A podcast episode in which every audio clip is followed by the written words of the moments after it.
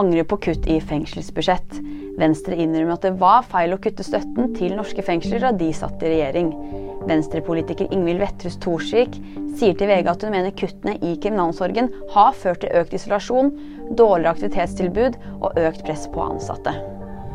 Island gjør hastegrep. I påvente av et mulig vulkanutbrudd bygger de en stor mur for å beskytte et kraftverk på halvøyen Reikanes. Det skriver kringkasteren RUV.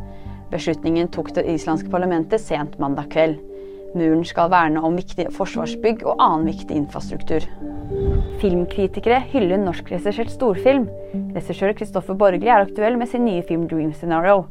Filmen hadde internasjonal premiere forrige helg, og mottakelsen av både den og hovedrolleinnehaveren Nicholas Cage har vært svært positiv.